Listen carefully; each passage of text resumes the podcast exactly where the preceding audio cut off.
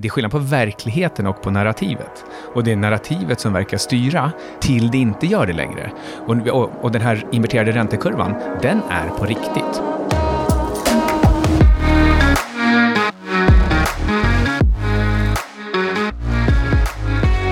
Hej! Du lyssnar på Antilop Podcast med mig, Carl Mikael Syring. Och Mr X. Jag har precis lyssnat på en timmes eh, skitsnack. Okej, okay, intressant. Berätta. Jag snackar bokstavligen skitsnack. Det är alltså fekaltransplantat. När man flyttar bajs från en individ till en annan för okay. att eh, få ett bättre mikrobiom. Eh, jag har varit på där biotech-presentation. Jag har precis sprungit hit genom studentyran. Det är alltså fredag klockan 15.00. Studenterna är i full fart och eh, det låter ju ganska intressant att hoppa in i medtech i dessa svåra tider. Ja, eh, det där är ju ingenting som jag någonsin investerar i. Eh, eh, jag vet att Börspodden också har någon slags förbud mot fasbolag. Alltså bolag som håller på med olika kliniska faser. Men skit i fasbolag. Idag har vi faktiskt en new soaring bull market. Vi är uppe 22% från botten 2022. Ja, härligt. Ehm, alla är lika nöjda. Eh, kanske inte riktigt jag. Jag fångade första halvan och sen har jag helt eh, gått bort med den andra, andra halvan av, eh, av bullen. Men hur länge ska det här fortsätta egentligen? Man känner sig ganska bäsad här jämfört med två, tre månader sedan som eh, jag har varit inne lite grann på de senaste avsnitten, så det är ju alltid en balans. Det finns ju alltid lika mycket smarta investerare på långsidan som på shortsidan. Eh, och därför är det alltid eh, balans. Och, ehm, eh, det blir lite grann en... Eh, det, blir, alltså det blir mycket mer en fråga om en subjektiv eh, in, attityd än en objektiv analys av verkligheten. För det, för det, går inte att göra på ett sätt som gör att man kommer eh, fram till någonting som är användbart annorlunda. Jag tror bara att eh, börsen just nu, så, som jag sa tidigare i förra podden, alltså, vi har ingenting att... Eh, eller bebisen har ingenting att fokusera på. Just nu så är det ingenting som är tillräckligt läskigt, förutom att värderingen kanske går upp eh, lite för mycket. Vi har Nvidia, vad har vi mer?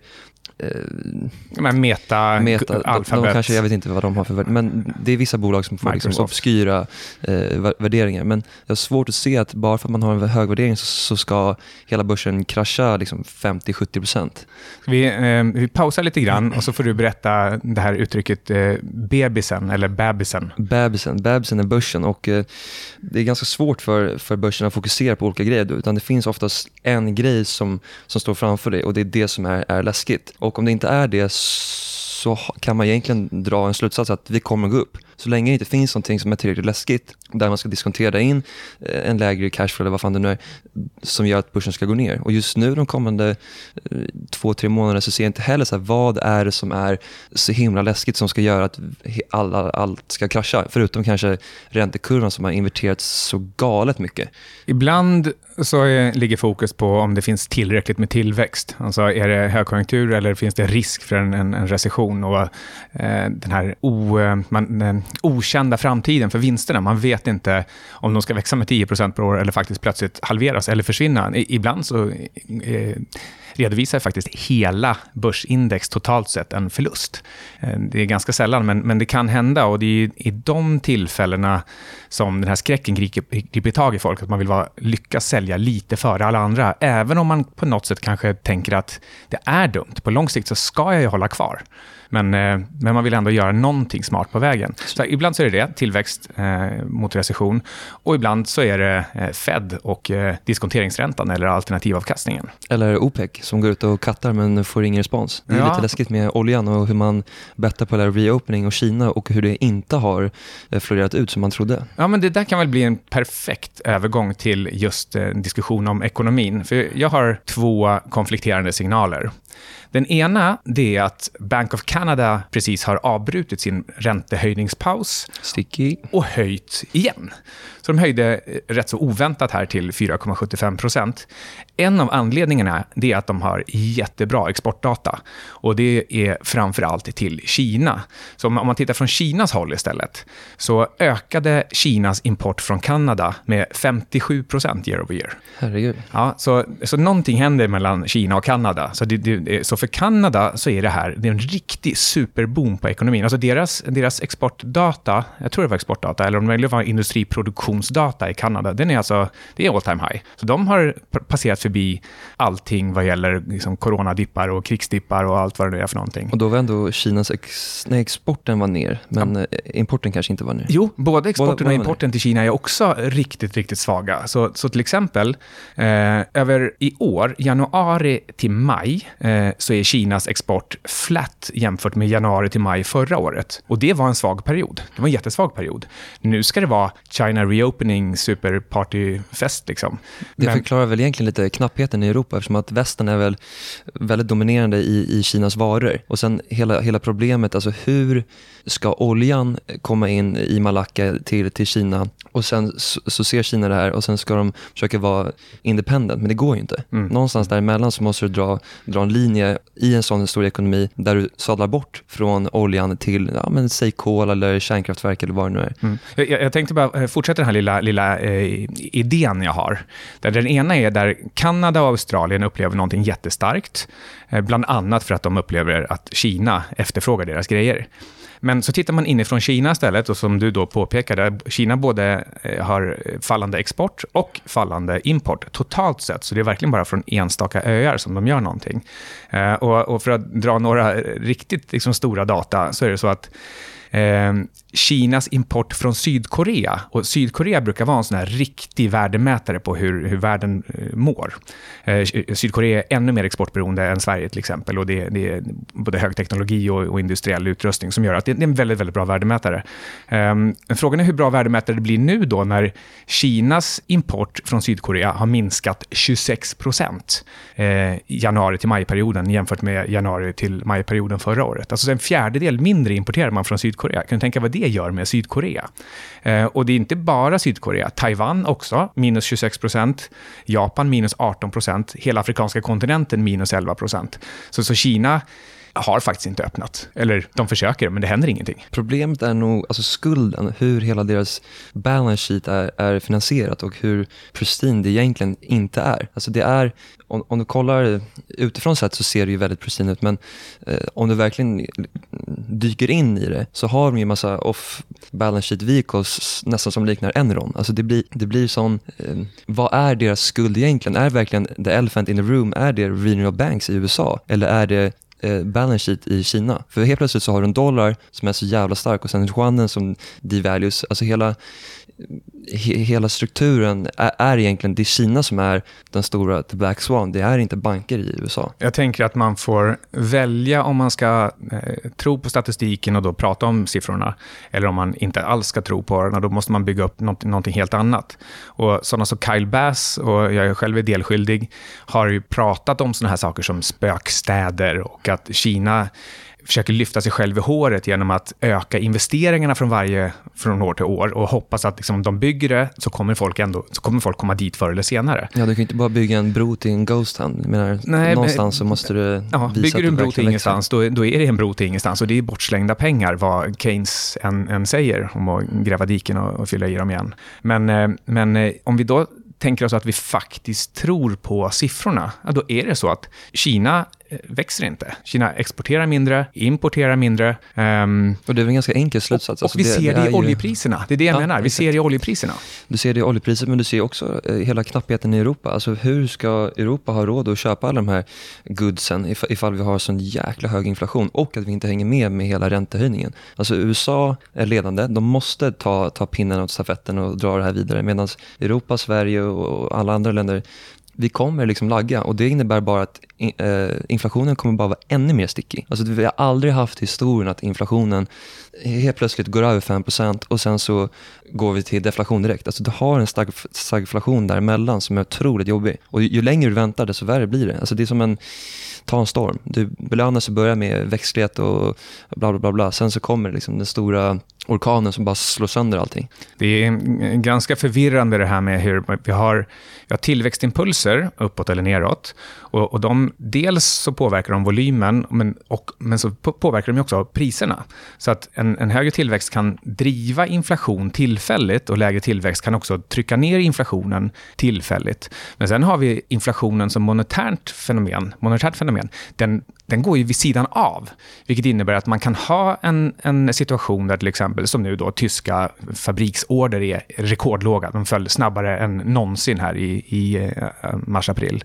Um, ehm, och, och, det kommer tillfälligt göra att eh, produktionsprisindex, vilket det också är då, det har också eh, liksom ett rekordtapp.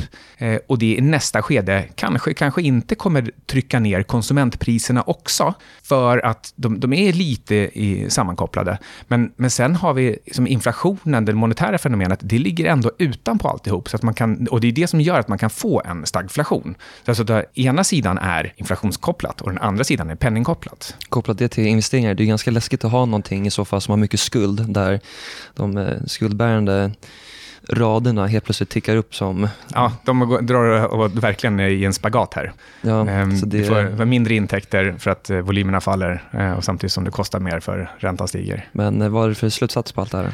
Ehm, min slutsats är att man måste försöka skilja ut ehm, vad som är de, de riktigt stora storheterna här. Och då tror jag att man, man Eh, man lurar sig själv om man, Ehm, om man bara lyssnar på narrativet att Kina har öppnat. Nu händer det. Liksom det... En annan grej som är bara en, en liten eh, referens, N när man pratar om oljan och säger att den har gått ner. Eh, det är faktiskt en ganska stor orsak till varför den har gått ner och varför Kina inte importerar lika mycket. Varför man trodde att priset skulle gå upp till liksom eh, 70-90 igen. Och Det är för att de, de går verkligen från att vara eh, beroende av olja till att gå över till kol och och, kärnkraft. Man kan inte vara eh, beroende, speciellt när 80% av all deras import av olja kommer från en liten jävla Strait of Malacca. Alltså det är, de har förstått att säkerheten är så otroligt mycket viktigare än eh, att du ska försörja dig själv? Ja, alltså nu bygger de ju ett kolkraftverk i veckan sägs det väl. Och eh, ja, sägs, det finns statistik på det. Ehm, men jag har tyvärr ingen koll på storleksordningarna, hur mycket olja de, de faktiskt behöver. Men vad som ändå verkar hända, det är att Ryssland pumpar ju så mycket olja de bara kan.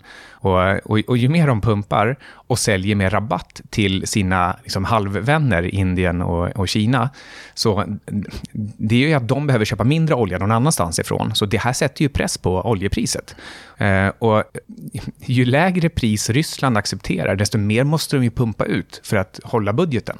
Så eh, jag tror att det här är inte nödvändigtvis en fråga om svag efterfrågan, utan kanske lite mer ändå en, en, en nödvändighet från Rysslands sida att få ut så mycket olja som möjligt för att under, underhålla sitt krigsmaskineri. Men säg att man ser att den här stagflationen börjar komma och att bolag kanske inte guidar lika högt längre och sen så har vi dåliga rapporter förutom de här sju stycken bolagen som lyckas på något jävla sätt växa alltid lite grann. Alltså 493 bolag i S&P går ner. Alltså ta MMM eh, eller Disney eller vad det nu är. Alltså alla bolag går så jävla dåligt men ändå så går Meta, Amazon, eh, Google, alla de här grejerna går bara upp. Alltså det är som att eh, fondförvaltare eller, eller eh, commercials eller asset managers, det enda de får köpa det är sju stycken aktier. Ja, man eh, alltså det tvingas köpa det som fungerar, citat, liksom fungerar. Eh, går det upp, då måste du vara med där. Och, och det, men som jag varit igenom förut också, det här är inte särskilt mycket diskretionära beslut. Det är indexfonder och momentumfonder och det mesta är modellstyrt. Det är nästan ingen förvaltare som sitter där och, och faktiskt på riktigt försöker fundera ut om någonting är dyrt eller billigt eller om, om det är vettigt att vara med i de här sju eller inte. Det, det, det där spelet spelar sig självt. Har världen verkligen blivit så indexerad att eh, det är sju stycken bolag som gäller? Um, ja, men jo, eh, och, och, det här är, det är ett vanligt fenomen i slutet um, på varje uppgångsfas. Att det smalnar av, det blir smalare och smalare och pengarna koncentreras till det som fungerar för att det är så indexeringen fungerar. Och det här har accelererat sedan 2008 ungefär. Um, så uh, ja, så är det. Och det behöver inte ens vända ner uh, om det inte försvinner ut pengar från systemet. Annars är det här som en, en, uh, det är liksom en avsmalnande vattenstråle som man bara pressar åt mer och mer och mer. Och, eh, de, de där sista, eh, den sista handfullen bolag, eh, den kan ju faktiskt i teorin gå hur högt som helst. Det var en lång inflikning, men vad blir kontentan? Du skulle avsluta. ehm, eh, Eh, jag skulle väl ändå tro att techbolagen kommer ner om vi får se ett svagt andra halvår. halvår. Eh, jag tror fortfarande, och tycker mig se det i statistiken, att det snarare är så att man får mer och mer tecken på att, att ekonomin verkligen kommer rulla över andra halvåret. Eh, och då kommer techbolagen också falla. Det, det går inte att upprätthålla... Ehm, eh, Growthen. Ja. Det, det, är också en liten grej. Alltså helt plötsligt, nu har vi ändå kommit över det skedet att inflationen är så pass hög, i alla fall när vi refererar till USA, att det är väldigt eh, läskigt. Utan nu borde egentligen fokus vara på growth. Alltså om vi inte ser growth och vi faktiskt ser att det börjar tappa in på riktigt, då tror jag att eh, eh, vi kommer att ha väldigt tufft. Och sen bara speciellt tekniskt sett här uppe, det är ju, alltså vem är det som köper börsen här uppe och sen så tänker man att man ska tjäna pengar de kommande halv, eh, sex månader framåt, tre månader framåt. Alltså det är inte strategiskt bra att köpa här uppe. Nej, men och, eh. och det jag menar är att det är inte så att det är någon som tar det beslutet. Det, det beslutet fattar sig faktiskt helt eh, självt. Vad ska man göra med guld då, som står eh, nästan Nej, uppe på... Innan vi eventuellt eh, pratar om guld så eh, tänkte jag komma till de, här svaga signalerna som ändå finns. Och nu har det börjat eh, visa sig svaghetstecken, tydliga svaghetstecken även i arbetsmarknaden, det som vi, då har väntat på. För nu har det gått 14-15 månader sedan man började höja räntan. Och, och det är nu det ska börja synas synas i arbetslösheten. Alltså den, den, den ska precis pika ut, eh, eller bottna ut egentligen. Mm. och nu ser vi att, eh, alltså dels så eh, Household Survey, som då ska jämföras med något som heter Establishment Survey. Household Survey är lite mer äkta på ett sätt. Den, den, den, ligger, den ligger tidigare i fas. Och, ehm, eh, där tickade arbetslösheten upp, visserligen väldigt lite, jag tror det var från 3,4 till 3,7 procent. Men det är den första indikationen på att då kanske vi faktiskt har sett botten på arbetslöshet. Eh, nästan exakt på mediantidpunkten för hur lång tid det ska dröja innan man kommer till den punkten från, från att räntehöjningarna börjar.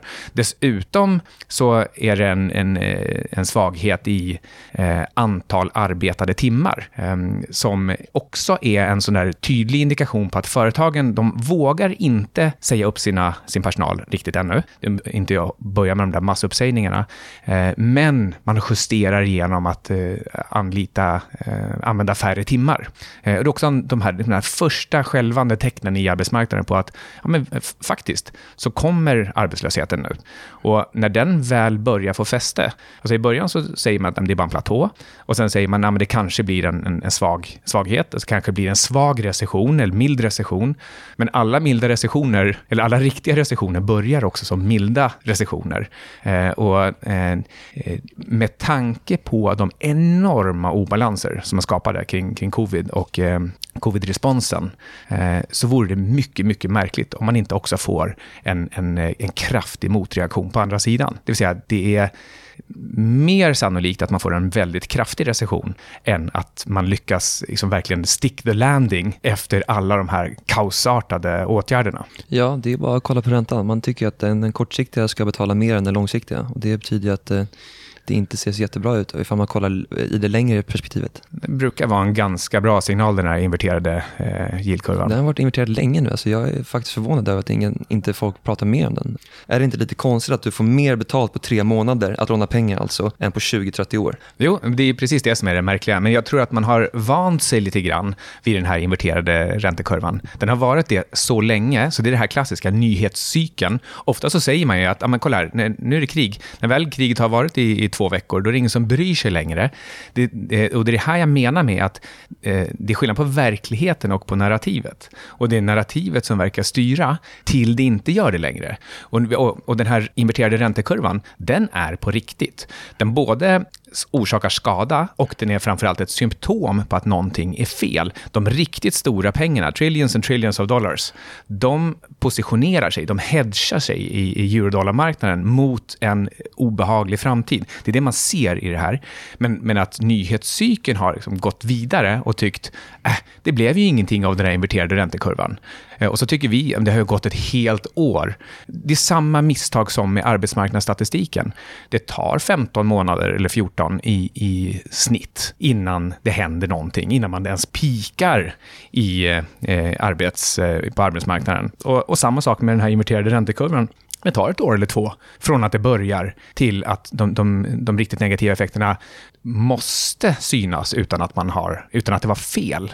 Eh, och det är den kanske mest pålitliga makroindikatorn som finns, är just den här inverterade räntekurvan. Den, den kollar recessionerna. Och det är också så här, vi har aldrig haft negativ ränta någonsin i historien. Varför skulle det plötsligt funka från 2014-15 tills nu? Alltså hur, varför skulle du inte få betala för det i framtiden? Det är... Um om man ändå tror att 100 års eh, ekonomisk historia någonstans betyder någonting, så, så är det en oerhört negativ signal när eh, man har en inverterad räntekurva. Ja, men eh, skit i eh, räntor. Ska vi gå vidare till AI? AI, ja. Eh, AI ska ju tydligen rädda eh, världen och eh, så fort du nämner AI i någon slags rapport när du står och pratar i tv så går ditt bolag upp 15-20%. Mm, och där har man det här problemet med narrativ och verklighet igen.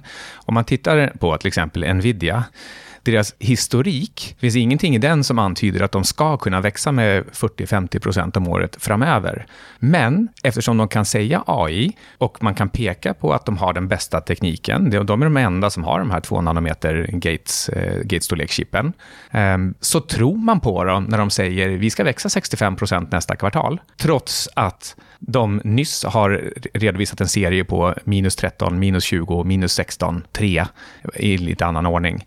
Um, men, men så gör, um, det senaste kvartalet så uh, sjönk ju omsättningen till och med med 13 procent. Och man, man tror ändå på dem när de säger att vi ska växa 65 procent nästa kvartal och sannolikt i 100 procent årstakt uh, under andra halvåret. Det och, ja. och, och, det är ju sant. Det kommer antagligen bli så. Det, det ska mycket till för att inte bli så. Men det fascinerande är att marknaden bara kör köper det rakt av. Ja, det är klart man litar på dem, att de ska nu göra, no göra någonting de aldrig har gjort förut. Men det är, återigen, liksom, jag förstår inte vad det är, den lilla bebisen, eller det kanske är ett jobbigt ord, men alltså, vad är det som är läskigt? Vad är det som, som ska göra att vi ska gå ner så mycket? Och ifall det inte finns det, då kommer de här bolagen som Nvidia, när de säger AI, då går de upp 100%. Alltså det är, vi är i en marknad där alltså, över natt så kan saker och ting ändras och allting är helt omvänt. Mm.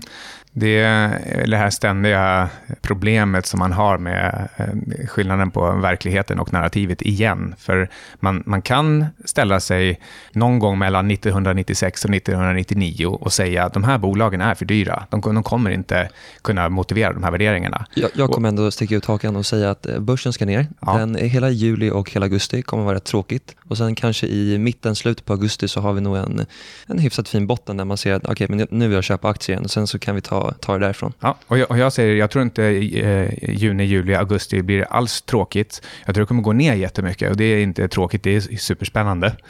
Um, och, uh, det är i alla fall ingenting som, uh, där folk kommer liksom somna av tristess över, den marknaden. En annan uh, rolig marknad som jag tror man ska vara inne i, det är bonds. Alltså köpa Bunten, Gilten eller TLT i, i USA. Mm. Alltså när du är i en, i en deflatorisk miljö, då ska du köpa bonds. Ja. Punkt slut. och den uppsidan är enorm. ackumulering här nere Men, har skett i liksom, mm. flera månader. Och frågan är hur långt ut på riskkurvan man törs gå då i, i bondsen. Alltså ska man in i liksom corporate bonds, ska man in i bankhybriderna? Här i februari under krisen så kunde man köpa Swedbank och SE-banken och Handelsbanken på 15 till nästan 20 procent årsränta för de största bankerna. Eh, de känns rätt trygga tycker jag. Men eh, har man klantat sig så har man ju råkat köpa vissa fastighetsbolags eh, hybrider eller obligationer och då blir det inte så bra. Nej. Men eh, du tänker att man håller sig till statsobligationer? Ja, stats är säkrast. säkrast. Eh, när vi ändå var inne på AI så tänkte jag också säga så här, Alphabet får ganska mycket eh, skit, tycker jag, mm. för, eh, ehm, för att de inte lyckas, för att de är långsamma. Och, och ändå så, eh, häromdagen så läste jag en grej om, om hur, de, hur deras DeepMinds AlphaDev, som är ett program som är utvecklat utifrån AlphaZero. Och det här AlphaDev, det kan skapa algoritmer som sorterar data bättre än algoritmer som är skapade av människor. Och, och, det är fascinerande, för en människa som tänker efter riktigt noga, tänk till en matematiker som utvecklar en, en algoritm, en, en, en ekvation, en, ett system som är helt och hållet liksom perfekterat för att göra en enda syssla den är ju guidad av en mänsklig intelligens för att skapa själva algoritmen. Men här så är det alltså en, en, ett datorprogram som självt utvecklar ett datorprogram som är bättre på att utföra själva, själva uppgiften. Och det är det här som, som Alphabet gör. Alltså det här är ett baslager eh, under det som är eh, grundvalarna till, till den AI vi ser idag. Så du menar att alla som har pro, eh, pluggat programmering helt plötsligt kan kasta de där tre åren i soptunnan? Nej, eh, de har har förhoppningsvis lärt sig någonting helt annat när de pluggar programmering och inte bara att, att, eh, att koda eller skapa algoritmer, utan de har lärt sig en systematik som gör att de kan använda de här verktygen. Även verktygen som ligger under verktygen. Jag vill egentligen bara lyfta fram att Alphabet, eh, de ska man absolut inte räkna bort i den här AI-verksamheten. Alltså om det är någonting som Alphabet gör, det är att de alltid jobbar, alltså det är en cirkulär ekonomi. De, de planterar frön, frön hela tiden, överallt. Och de, ändå, de jobbar liksom hela ja. tiden med nya, nya funktioner och ny teknik. Och sen har vi Apple, vi kan ju inte gå vidare utan att lämna Apple och, och deras de här konstiga ja. skitmaskglasögonen, Vision Pro, Vision Pro, alltså. The Big Vision Pro alltså här, Short. Det här kommer jag alltid säga, alltså hela världen är lång Apple. Det är helt omöjligt att det inte kommer ta stopp någon gång. Men då ska alla ha fel. Eh, det var inte det. Men, men mm. eh, som eh, någon påpekade, jag tror det var den här podden eh, Tech Meme Ride Home, så eh, är det anmärkningsvärt hur Apple vägrar använda ordet AI. De säger inte AI.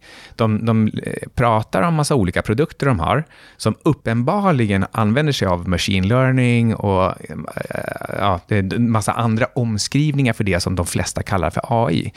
En del tolkar det som att Apple ligger efter. Det tror jag är helt fel. Jag tror att de snarare ligger före kurvan. De fattar att den här hypen, den kommer blåsa över snart. Då vill du inte vara den där som var förknippad med att, att ropa AI hela tiden. Mm, potentiellt sett kan det också vara så att AI blir smittat av om, om eh, den här den här märkliga vågen med, med folk som är, är rädda för att eh, det ska gå snett med AI, så att man måste stoppa utvecklingen tillfälligt. Det, det är också bara alltså det är så dumt. Men jag tror i alla fall att Apple ligger inte heller efter, precis som Alphabet inte ligger efter, utan jag tror att de är mer strategiska än de andra. Så köpa Apple? Alltså jag köper inte Apple heller. Men du köper Google? Uh, ja, det gör jag. Nu är det fem minuter kvar till öppning. Ja, bra. Då, eh, då kör vi. Det här var ett lite fredagsbonusavsnitt med Antil.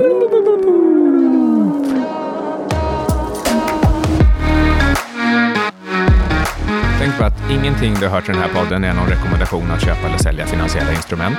Alla investeringar är förknippade med risk och eh, du kan förlora stora delar eller hela ditt kapital eller till och med mer om du är riktigt dum och använder belåning. Vi försöker underhålla och utbilda och vi använder källor som vi tycker är tillförlitliga, men eh, vi kan inte garantera äktheten eller riktigheten i, i någonting av det vi pratar om. Och för guds skull, gör din egen analys. I can't stress this enough. Eh, och never dina go pengar, all in. Nej, och det är dina pengar, eh, ditt ansvar.